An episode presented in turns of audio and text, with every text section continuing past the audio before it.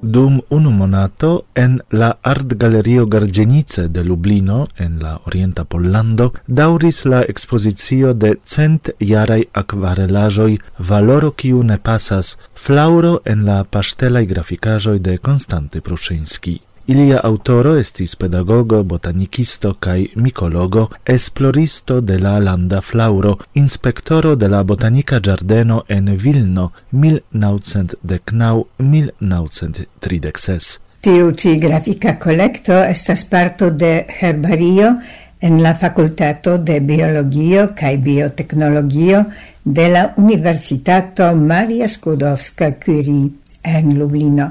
La iconografia documentaro con granda scienza signifo havas krome gravan artan valoron. Konstante Prushinski estis ne nur plant kolektanto, sed ankaŭ desegnisto kun enorma plastika talento.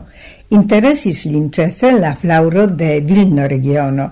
Por la Universitato de Stefan Vatore en Vilno li pretigis circau sescent colorein didacticain tabuloin.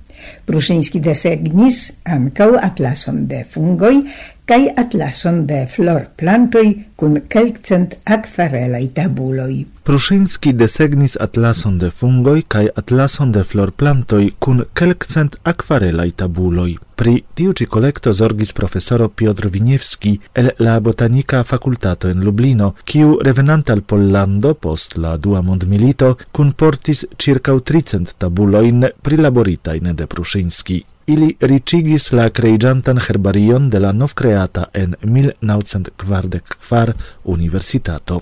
Ciu planto estas provisita per sia latina specinomo kai informo pri la kolektoloko. Parto ricevis ankaŭ sinonimain nomoin. La tuta collecto actuale consistas el prescau quarcent mil folioi, inter ciui circa ducent mil rilatas al plantoi, kai pli ol cent okdek mil rilatas al fungoi kai lichenoi. La Lublina herbario estas unu inter kvin plej grandaj en Pollando. Antaŭ kvin jaroj la tuta kolekto estis subigita al ĝisfunda restaŭro kaj protekto. La scanitain folioin de la collecto eblas rigardi en la pagio de la cefa biblioteco de la Universitato Maria Skłodowska-Curie en Lublino.